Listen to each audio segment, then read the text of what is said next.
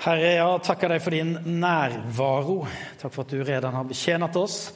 Og jeg ber på et særskilt sett nå når vi går inn i ordet at du skal skape en lengtan i oss at få leve ut det nye livet som du redan har gitt oss som tror på deg I Jesu navn. Amen. Riktig kul at få fire gudstjenest sammen med dere i Malmö pingstförsamling. håper hoppas det er ok at vi kommer hit og stør er iblant. Det er jo litt som med småsøsken. De litt større, ja. Men jeg har forstått at ni er, så mogne her at det takler ni på et jättebra sett. Eh, også for muligheten att få predika i dag. og jeg forstår at ni befinner dere i en serie fra Kolossebrevet. og Jeg har fått eh, förmånen att avsluta den i serien idag. Kolossebrevet det er litt, hva skal man si, det er litt bare åpen dør for meg. derfor at vi, Når vi planterte forsamling, eh, så var det den første boken som vi predikade utifrån. Så den har en særskilt plass i vår forsamling. Jeg vet ikke om noen annen kommer ihåg det. Men det, det betydde jättemycket for meg, for det var spesielt en mening i Kolosserbrevet som hjelpte meg når vi skulle plantere forsamling. När jeg liksom, jeg brottades med de her frågorna. Ja, vi kommer plantera forsamling, men ja, den kommer jo ikke være perfekt. Det kommer finnes brister. Hvorfor skal vi gjøre det her? Men det, det kommer liksom aldri bli 100 procent liksom. Og, och, eh, man vet når det er en ny forsamlingsplantering, så er det man, det, man har, har eksempel exempel inte så jeg kom hit og sittet på, ni hadde så bra notställ her, så vi, vi kjøpte precis likedan. så ni har jo verkligen påvirket oss redan.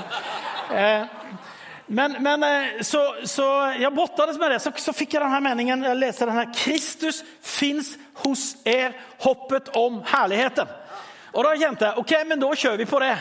Om vi predikar evangeliet så kommer Jesus finnes der. Om ikke vi er perfekte, så er han perfekt. Om, om det liksom er det som kommer hende, at mennesker kommer møte Jesus, da er det verdt det. Eh, og det er hele poenget med at eh, vara kyrka, eh, mennesker skal ska få møte Jesus, det, det vi holder på med, det ni holder på med her. At få følge honom og ge honom videre til andre, som vi redan har hørt om her, også så helt til han kommer tillbaka. Eh, Even i dag så er det det det handler om. Min bønn, min lengtan er at du skal få se Jesus så tydelig at du ikke vil noe annet enn at lære kjenne honom enda bedre. Og vi skal lese et avsnitt fra Kolosserbrevet 3. Vi hinner så klart ikke tekke alt som kvarstår av brevet.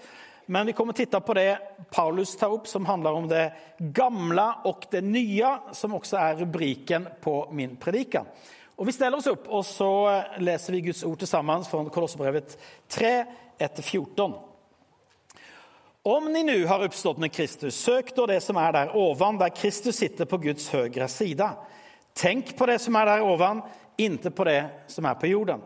Ni har jo dødt, og ert liv er dolt med Kristus i Gud. Når Kristus trer fram, han som er vårt liv, da skal også ni tre fram i herlighet sammen med honom. Döda er av jordiska begjær, seksuell omoral, orenhet, lusta, ont begjær og girigheten som er avgudadyrkan. Alt sådant gjør at Guds vrede drabbar olydnadens barn. Bland dem vandrade også ni en gang når ni levde i disse synder. Men nå skal også ni legge bort alt dette. vrede, ilska, ondska, fortal og frekkheter fra er mun. Ljug inte för varandra, ni har ju klätt av er den gamla människan med hennes gärningar och klätt er i den nya människan som förnyas till rätt kunskap och blir en avbild av sin skapare. Här är inte längre grek eller jude, omskuren eller oomskuren, barbar, skydd, slav eller fri, utan Kristus är allt och i alla. Klä er därför som Guds utvalda, heliga och älskade i innerlig barmhärtighet, godhet, ödmjukhet, mildhet och tålamod. Ha överseende med hverandre og forlåt hverandre om ni har noe å anklage noen for. Så som Herren har forlåtet er skal ni forlåte hverandre. Og over alt dette skal ni kle er i kärleken, bandet som forener til fullkomlig enhet. Amen. Varsågod og sitt i era skjønne biofortøljer. Jeg gissar at vi kommer forlore mange medlemmer i dag, når ni kjenner de her skjønne fortøljene. Det er ikke vi altså. men eh, ja. Eh, I en studiebibel som jeg anvender i min daglige stund så står det så her om Kolosserbrevet. Av alle bøkene i Bibelen kan Kolosserbrevet med rette betraktes som det mest Kristuscentrerade. I dette korta brev anvender Paulus alt han har for å forkynne Kristi herrevelde og tilrekkelighet i alle saker og for alle mennesker. Kristi og och tillräcklighet i alt og for alle. Kjenner du deg inkludert? Altså smaker på orden supremacy og sufficiency på engelska. Paulus vil både vise at Kristus er herre over alt, og at han er alt vi behøver. Og er det ikke just det du og jeg kjemper med? Hvordan skal det gå i framtiden? Jeg har ikke kontrollen. Och hur ska det gå i nutiden med alla mina behov som du säkert kunde räkna upp? Det känns som om enda gången man inte bekymrar sig för framtiden är när man bekymrar sig för nutiden, eller hur? Och hur löjligt låter det inte att tro att ja, Jesus, liksom, Jesus Kristus skulle vara nog för allt detta? Berätta för dina studiekompisar eller arbetskompisar på jobbet att du ja, men jag får trösta på Jesus. I alt det her som vi ser nå av, av mørket som finnes i verden, og, og, all oro som kan finnes på, på det personlige planet. Nei, men jeg får trösta på Jesus. Det låter veldig liksom naivt. Han er min framtid og, og hopp. De kommer til å titte litt merkelig på det trolig. Det låter liksom ikke helt klokt. Og vi frestas så lett å tenke Ja, ja, bra med Jesus, men vi behøver noe annet som tillegg til dette. Ja, det er fint på et teoretisk plan, fint i kyrkan, men det funka jo ikke i praktiken. Og det her var kampen i Kolossai. Og som var grunnen til at Epafras, Paulus medarbetare, hadde søkt opp Paulus for å berette hvordan det går i forsamlingen. Han var selv fra Kolossai og trolig gründer til forsamlingen. Men han var bekymra nå for at evangeliet hadde börjat få suddige konturer gjennom innflytende av olika tankesett fra andre grupper i staden og kulturen. Og hva er det som hender då? Evangeliet tappa sin kraft blant de som er med i forsamlingen. Og Det var liksom noen form av villolæra-smoothie som de hadde liksom började ta til seg, som hadde fått innpass i forsamlingen. Det var liksom en, en blanding av judisk magi som man kanskje kunne legge til, litt asketism, tilbedelse av engler Litt som man scroller et Instagram-konto i dag, helt enkelt. Som følger en, en lokal yogalærer, en sjaman og en, en diet der du bare får drikke kamelmjølk, Liksom. Alltså, lite alt mulig Som låter, ja men det var jo litt spennende og interessant. Kanskje jeg skal börja på det her også. Men ikke bare var det en blanding av villolærer, men det pågikk en kamp i forsamlingen mellom disse sätt å tenke. Og Derfor skriver Paulus brevet for å vise hvordan Kristus er alt i alla. Och at vi ikke behøver bygge vårt liv på noe annet enn honom. Og på samme sett i dag, og trolig, trolig enda mer er vi påverkade av tankesett som vil dra oss bort fra Jesus. Huvudproblemet med vår tid er at vi får pakketert så mange alternative berettelser og sanninger at Kristus blir suddig i våre liv. Om du skulle ransake deg selv, hvilke tankesett er du kanskje omedvetet påvirket av som drar deg bort fra å fortrøste på Kristus. Judene i Kolossai har ha levt som om Gud hadde koll på noen områder, Men på andre områder var man tvunget å fikse det selv. Eller liksom, ja men her må jeg tenke selv, det her rekker inte. Det er ikke det at vi liksom lemner Jesus helt. Men vi bør tvile på om han virkelig er alt vi behøver. Om han virkelig har kontroll i en kaotisk verd. Og ikke minst om vi kan lita på Bibelen i frågor som kjønn og seksualitet, for å nevne noen brennende frågor i vår tid. Och mange andre frågor også som man tenker nei, men det der Bibeln lite, låter litt gammaldags, det funker vel ikke. Det kan finnes bra saker i ulike tankesett, absolut. Men det disse berettelsene har gemensamt er at alle kommer fra mennesker. Og menneskene kan ikke selv redde menneskene fra hennes grunnproblem. Vi behøver hjelp utifrån. Og I dette brevet viser Paulus oss at den hjelpen bare finns hos Jesus. så forsøker Paulus hjelpe forsamlingen i Kolossai på två sett. Genom indikativ og imperativ. Og nå kan du angre at du ikke hengte bedre med i grammatikkundervisningen på skolen. Nei, det er ikke så svårt.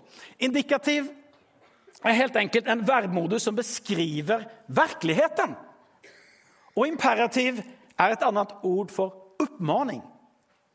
Og nå I kapittel 3 så er vi liksom i brytningspunkten der Paulus går fra å beskrive virkeligheten for en som tror på Jesus, til å komme med oppmaninger at leve ut det Jesus har gjort. Så det er absolutt ingen logiskhet i at 'følg det her om Gud skal elske deg'. Nei, det er 'gjør det her derfor at Gud redan elsker deg og har gitt deg så mye'. Låt oss glemme oss selv noen minutter. Fokusere på Gud og hans berettelse. Ibland er vi så opptatt med oss selv at vi nesten tenker at saker ikke hadde hendt om ikke vi var der. Men bare for å være tydelig Gud hadde funnits om du ikke hadde funnits. Men du hadde ikke funnits om Gud ikke hadde funnits. Gud har gjort det veldig eh, Gud har gjort veldig mye uten at du var der. I'm sorry to say, altså. Det her kanskje blir litt krenkende for deg. Men at, at, at, du ens var nødvendig for at det skulle hende.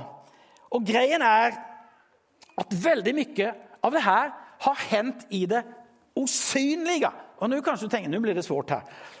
Det fins en usynlig virkelighet som er mer virkelig enn vår virkelighet. Vi tenker ja, men det er jo merkelig at det fins en usynlig virkelighet. Ja, men det er jo egentlig tvert om. Det er merkelig at det fins en materiell virkelighet. Eftersom Gud er ande og osynlig for vårt fysiske øye. Når skaperen og hele hans verd er osynlig, så er det jo overraskende. Det er det som er det overraskende, at han har valgt å skape oss. Og når han nå har valgt å gjøre seg selv kjent for oss gjennom å bli menneske, så burde ikke vi tenke på den osynliga världen som mindre verklig eftersom det er den världen som er vårt upphov. Og det er den dimensjonen som kommer vara for evig og som kommer forenes med å ta over jorden når Jesus kommer tilbake. Så hvorfor sier jeg alt dette? Derfor at Det er det Paulus begynner kapitlet med. Kapittel 3. Om ni nå har oppstått med Kristus. Det har hendt i det osynlige. Søk da det som er der, ovan, der Kristus sitter på Guds høyre side. Tenk på det som er der ovan, ikke på det som er på jorden. Ni har jo dødt, og et liv er dolt med Kristus i Gud. Når Kristus trer fram, han som er vårt liv, da skal også ni tre fram i herlighet sammen med ham. Forstår du hva Paulus gjør her? Hva er det som hender her? Paulus beretter hva Gud har gjort for deg helt uten din medvirkning. Han beretter hva som hendte i den osynlige virkeligheten når Jesus dog og oppsto i sin fysiske kropp og sen åkte opp til himmelen og nå sitter på Guds høyre side. Og even hva som kommer hende når han kommer tilbake. Det er det han forsøker. Og Han har fått denne åpenbarelsen, Paulus, og det har blitt en del av Guds helige ord, sånn at vi skal forstå at det var ikke bare det historiske som hendte med Jesus, men noen ting hendte i den osynlige virkeligheten som er mer virkelig enn det du kan ta og, og kjenne på. Jeg bruker å anvende bilden av at når jeg fødtes i Norge i 1971, så fødtes jeg inn i et fritt land. Min pappa derimot, han vokste opp i et okkupert land fra han var ett år til han var seks år. Noen kjempet en kamp for at Norge skulle bli fri fra Tyskland. Og når jeg fødtes, så fikk jeg del av den friheten helt uten at jeg selv hadde medvirket. Om jeg skulle forstå liksom Norge når jeg vokste opp og Det kan litt svårt å forstå Norge. Så eh, da bør jeg forstå kriget og friheten for å forstå denne tacksamheten på 17 mai, f.eks. varför man firer. Og det er en svag bild eller, ja, det er fantastisk å være født i Norge, men det er enda en svag bild. På hva som hender når du blir en kristen, og når du i dopet begravs og oppstår med Kristus. Du føds inn i noe han redan har gjort for deg. Du er nemlig også en åndelig varelse som er skapt for å ha relasjon med Gud. Og det i deg som er osynlig og som er like virkelig som din kropp och som kommer vare lengre enn din kropp. Det har blivit født på nytt inn i den friheten Jesus kjøpte for deg på korset. Det borde jo ikke være så merkelig at vi skal tenke litt på det ibland. Du er nå en medborger i Guds osynlige, men virkelige rike. Mer virkelig og mer holdbart enn denne verdens rike. Hva? Har jeg oppstått med Kristus, sier du? Jag fatter ikke hva som menes med det. Precis, det er jo det som er problemet. Vi har blitt mye bedre på det som skaper oppståndelse og entusiasme i denne verden, enn oppståndelsens betydelse i den osynlige betydelse i den osynliga verden. Vi er bedre på Black Friday enn Good Friday. Vi er bedre på oppesitterkveld enn uppståndelsedagen. Hvorfor da? Derfor at det er det som er på jorden som fyller våre tanker altfor mye. Vi lengter til neste Vikenreise, neste egentid, neste kick, neste forbedring av mitt liv her på jorden til jeg blir pensjonær osv. Vi tenker som verden. Tenker om lykke og framgång. Vi lever liksom som om døden aldri kommer. Og jeg kunne fortsatt. Ibland tenker vi på Jesus så klart. Men som i Kolossai har han blitt en del av vår verdensbild i stedet for hele vår världsbild. Han er ikke herre overalt og tilrekkelig for allt som jeg begynte med her. Som Eugene Peterson skriver i sin innledning til Message-oversetningen av Kolosserbrevet. For sådanne mennesker er Jesus viktig, men ikke livsviktig. De kristne i staden Kolossai, eller åtminstone noen av dem, verkar ha sett saken så. Derfor er Paulus viktigste imperativ oppmaningen at tenke på noe annat. Tänk på det som er der ovan, inte på det som er på jorden. Och ni at her handler det om en prioritet i tankegang, i tankesett. Om Jesus skulle bli livsviktig for deg, og du skal fortsette på veien med hånd om å unnvike å tenke som denne verden, så handler det først at helt enkelt børja tenke på det som er der ovan. Det her osynliga verkligheten som er mer virkelig enn vår virkelighet. Du skal alltså börja tänka på det som er virkeligere, enn det du ser med dine fysiske øyne. Legg merke til at det står 'tenk' og ikke gå fram til forbønn'. Altså, det er inget fel på forbønn. det er jättebra. Men jeg har oppdaget i mitt lange karismatiske liv at vi har mistet at lærerjungerskapet først og fremst sitter i å fylle våre tanker med Jesus. Det handler ikke først og fremst om å få en, en kjenslemessig upplevelse. Jättebra, jag har haft många av dem och jag tycker det har varit viktigt. Men det som har förändrat mig, det som har påverkat mig över lång tid, det är ju att jag själv gör det här jobbet. Att jag tar till mig, i mina tankar, fyller mitt sinne med Jesus Kristus. Så lärjungaskapet handlar om att fylla våra tankar med Jesus, bli som Jesus och göra det Jesus gjorde. Jesus sa omvänd er för Guds rike är nära. Metanoia. Og du tenker meta? Instagram? Facebook? Nei. Altså, metanoia betyder et nytt sett å tenke. Så glem meta, men eh, kom ihåg metanoia. Et nytt sett. Et nytt sett å tenke. Hvorfor da? For Guds rike er her! Det er jo hele poenget. Det er egentlig liksom Hitte på noe nytt å tenke på. Nei, Guds rike er her. Tenk på det nå. Tenk på et annet sett nå. Det osynlige riket har kommet til vår verd. Det har brutit inn i den synlige verden, og nu är det mulig for mennesker å få kunnskap om det rike. Om du følger pastor og forfatter John Mark Comer, som alle gjør nå Jeg undrer om du faktisk er kristen om du ikke gjør det, men han, han kommer snart med en ny bok basert på sin undervisning som heter Preaching the way, Be with Jesus, Become like Jesus, Do as he did. Og hans huvudtes er at en lærjunge er en som lærer seg å tenke som Jesus genom att vara med honom så att vi blir som honom och gör det han gjorde. Problemet i Vestverden er at vi har liksom gjort noen form av at det er mulig å være kristen uten å være lærjunge. Altså de, de er jo helt liksom overlappende i Bibelen. En kristen er en lærjunge. Det er en som følger Jesus. Og Det her er det nye settet å være menneske. Hvorfor skal vi holde på med det gamle når det nye er möjligt?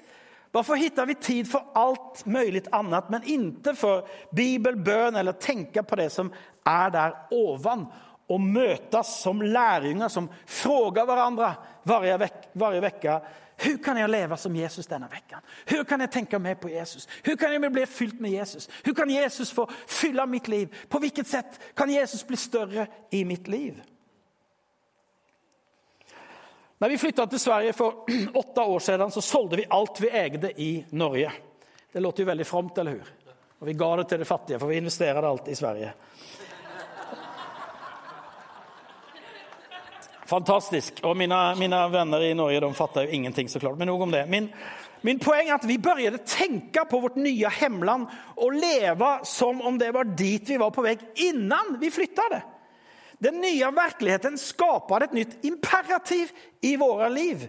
Vi började gjøre nye saker basert på en ny virkelighet. Og folk fattet det varfor. Altså, ikke hvorfor vi skulle flytte til Sverige, men hvorfor vi började leve annorlunda eftersom vi skulle flytte dit. Og Stina, hun flyttade, min fru flyttade även i förväg og jeg bodde i en liten lägenhet med barnen i noen måneder. Og vårt liv var plutselig ganske annorlunda enn andras. Allt vi planerte og gjorde var kopplat med vårt nye liv i et annet land. Vi förberedde oss. Tar du poengen? Det, detta, det betyder at tenke på det som er der ovan. Vi vet at himmelen redan er her, og at det er den som kommer ta over, og det rike som kommer bestå. Om det er sant, er det ikke merkelig om vi bør leve annorlunda enn de som bare lever for denne verden. Det som er merkelig, er att vi fortsetter å leve som innan. Tenk om vi gikk omkring og sa vi skal flytte til Sverige. Men ingenting hendte i vårt liv. Vi levde precis som innan. Da skulle jo ingen tro at vi mener det allvar, eller hur? Tenk om det skulle finnes kristne som tror på Guds berettelse, på alt som har hendt med dem i den osynlige verden, osynlige verden gjennom Jesus, men som lever precis som innan. Tenk om det skulle finnas sådana er bare et tankeeksperiment, alltså. Nej, tyvärr har dette vært virkeligheten i mitt liv og det er det fortfarande på flere områden. Jesus er inte tillräckligt för allt och herre över allt i mitt liv. Så jag behöver göra ett jobb. Jag behöver denna predikan. Jag behöver rikta mina tankar på verkligheten. Jag behöver seitete, som det står på grekiska. Set my mind on på engelska. Söka det som är där ovan. Det är någonting aktivt som jeg gjør, derfor at Gud redan har gjort noe. Og det er uppmaningen jeg vil du skal ta med deg fra denne predikan. Søk først Guds rike, sa Jesus. Det är precis detsamma som Paulus uppmaning her. Jeg behøver lese, undersøke, praktisere, tenke, be, samtale om hva som gjelder i dette nye riket.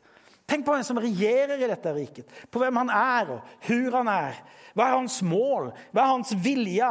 Hun kan gjøre være med honom, bli som honom, leve som honom? Jesus sa, 'Lær dem å gjøre alt det jeg har befalt er. Og den kristne tradisjonen bruker å tenke at kjernen i det Jesus har befalt oss er bergspredikan. Det er the Jesus way. Det er å tenke på hva som er der ovan og at låta seg påvirkes av Jesu ord. Och vet du hva? Det er faktisk et ganske tufft jobb iblant. Å ta til seg en undervisning som mange ganger bryter med det politisk korrekte, eller utmaner materialismen og sekularismen som det liksom ikke krever noen ting at bare haker på. Det er bare at liksom simma med strømmen. Men Guds rike er annorlunda. Og settet at leve i det er at tänka, fundera, reflektere, samtale, studere, lyssna till Jesus som vår Herre. Frågan är ju inte om vi påverkas och formas. Därför att det gör vi alla varje dag. Frågan är om vi låter oss påverkas av det som är där ovan eller det som är på jorden. Och nå är det igen viktigt att säga, det är inte bud med krav som Paulus ger. Det är en beskrivning av virkeligheten og hva som nå er mulig. Det er indikativ innan imperativ. Virkeligheten er altså at du er død og oppstått med Kristus. Det er sant om deg oavsett hvor mye du kjenner det eller hvor mye det syns i ditt liv. Men Paulus er også ærlig om at det fins et kvarstående problem som man kaller her det jordiska begjæret. Något fins i oss som drar oss bort fra det som er der over. Nå kan vi ikke helt enkelt bare være ærlige med det? At denne kampen kjemper vi alle. Orsaken til det är att fortfarande noen ting Vi har ikke fått vår nye kropp enn, så vi lever imellom Jesu oppståndelse og Jesu andre komme, at han kommer tilbake. Så vårt nye liv med Jesus, det lever vi fortfarande i en kropp og en sjel som kan lockas til å synde, altså gjøre saker som forstør oss og vår relasjon til Gud. Og I Kolossai så var problemet at de hadde börjat mixa tron på Jesus med bl.a. judisk moral og disiplin som en vei til visdom, som vi kan lese i versen innan dagens tekst. Det er litt som vår tids selvhjelp, der vi tenker at selvforbedring er løsningen. Men det hjelper bare et tag. På ytene fins mye bra råd og tips i det. Men det tar inte itu med roten til problemet som sitter i vårt hjerte. Løsningen Bibelen erbjuder er derfor radikalt annorlunda. Den er ikke å forsøke å leve et bedre liv, men den er å dø fra ditt gamle liv og oppstå til et nytt liv. C.S. Lewis han sa 'dø innan du dør, efteråt kommer det bare for sent. Och med det mener jeg at den enda løsningen på syndaproblemet er at vi dør med Jesus. Og nå er vi som du forstår, over i den osynlige verden igjen, som er mer virkelig enn den synlige. I den osynlige verden har, takk gode Gud, Kai Johansen dött fra sin synderidentitet og hittet sin rette identitet i å oppstå med Kristus. Tenk at det har hendt med mig! Alltså Jeg er så takksom for det, på grunn av Guds nåd. Det er sant om meg. Virkeligheten er at jeg fortfarande også har en kropp, et kjøtt, som lokkes av synden. Derfor er jeg en mening fortfarande syndere, men min nye identitet, det jeg vil tenke på, det jeg vil fordype meg i, det er at jeg er et Guds barn, død fra synden og levende med Jesus. I vår lille tregård hjemme i, i eh, Kulladal, några minutter herifra, så har vi en fjärilsbuske. Varje sommer og det vokser ikke fjärilar på den, fatter du, men varje sommer så kommer det massvis av fjärilar og setter seg på busken. Og det er liksom like vakkert var varje år. Og kanskje er fjärilen den beste bilden vi kan hitte i naturen på hva som har hendt med oss gjennom troen på Jesus. Lyssna til hva som hender med larven som blir en fjæril. Prosessen der en fjæril blir till är kjent som metamorfos og består av flere faser. Først er den et egg, og sen er egget kleks, kommer en larv fram. Etter at larven har etet og vokset tilrekkelig mye, går den inn i puppstadiet. Under dette stadium omvandlas larvens kropp radikalt. Den spinner en skyddende kokong eller puppa rundt seg selv, og inuti puppene bryts larvens kropp ned og omvandlas til en vuxen fjäril. Efter at metamorfosprocessen är klar bryter den fullt utvecklade fjärilen ur puppan. I början är fjärilen ofta skör och måste låta sina vingar torka och expandera innan den kan flyga. Alltså halleluja, tänker jag.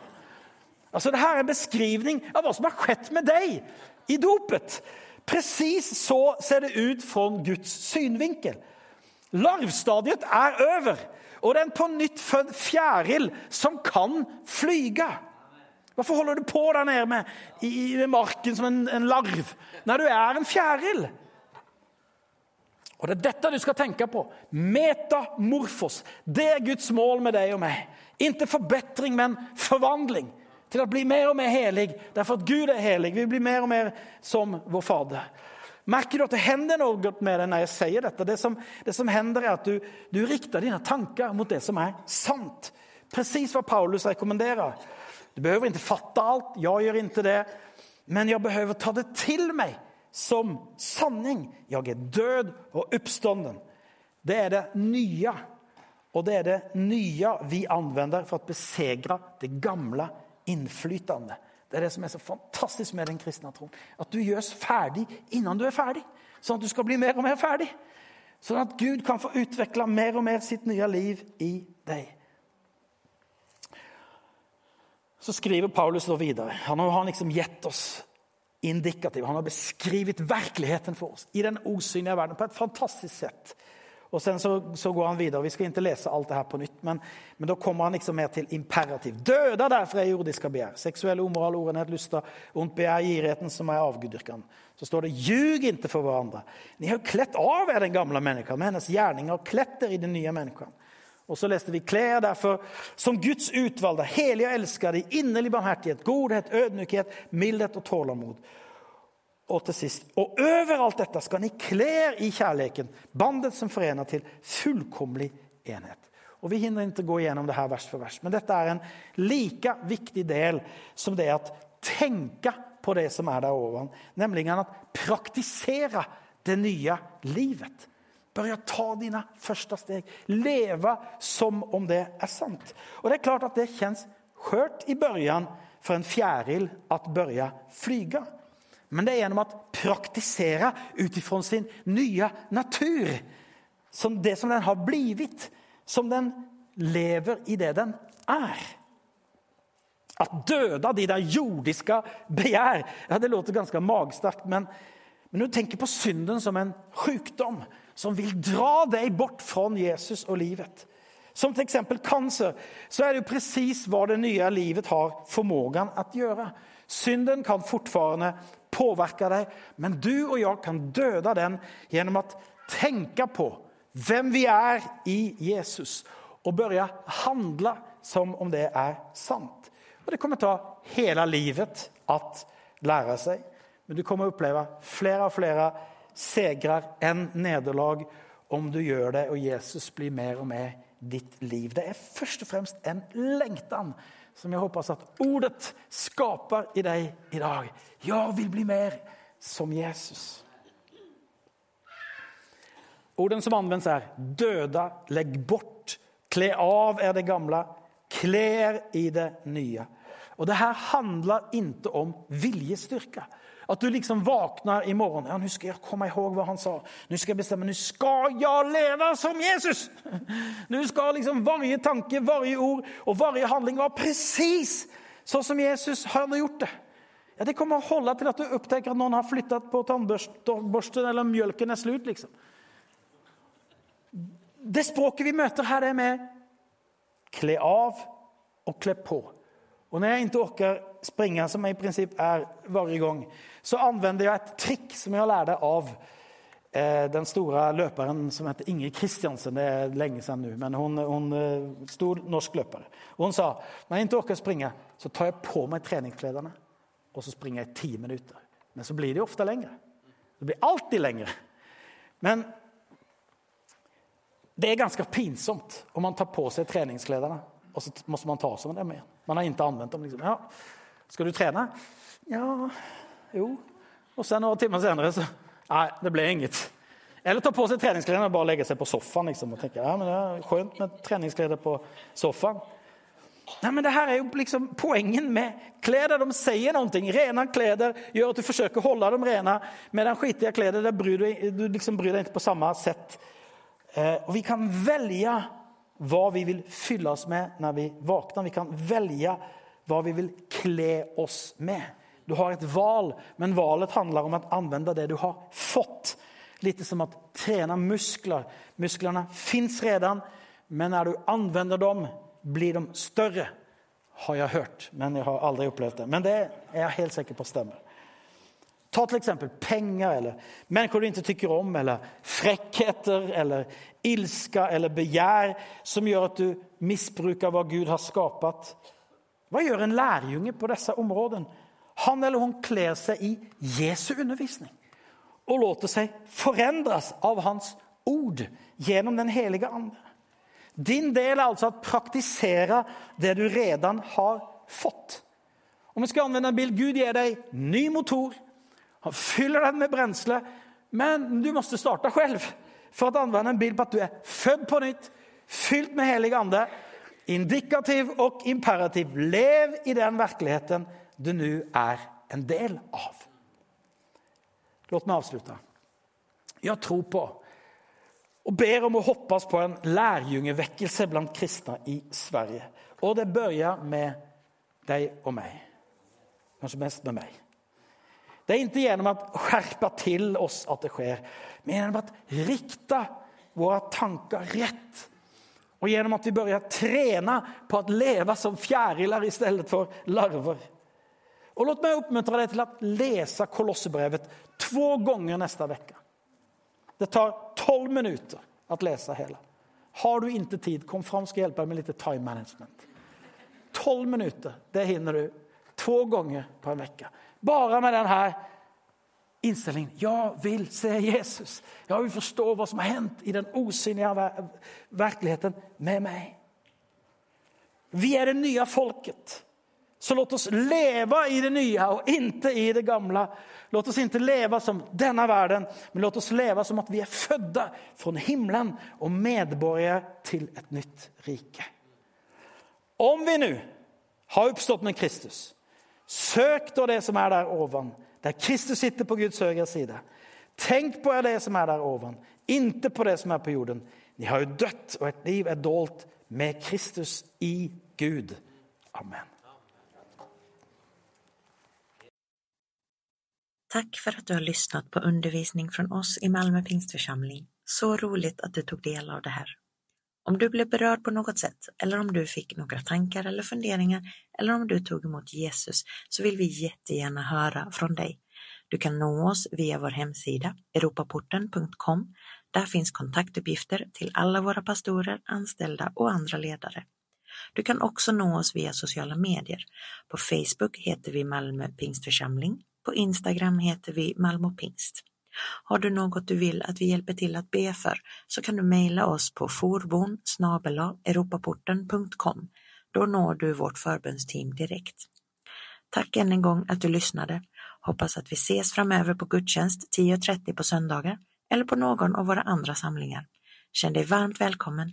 Ha det så bra så länge och Gud välsigne dig.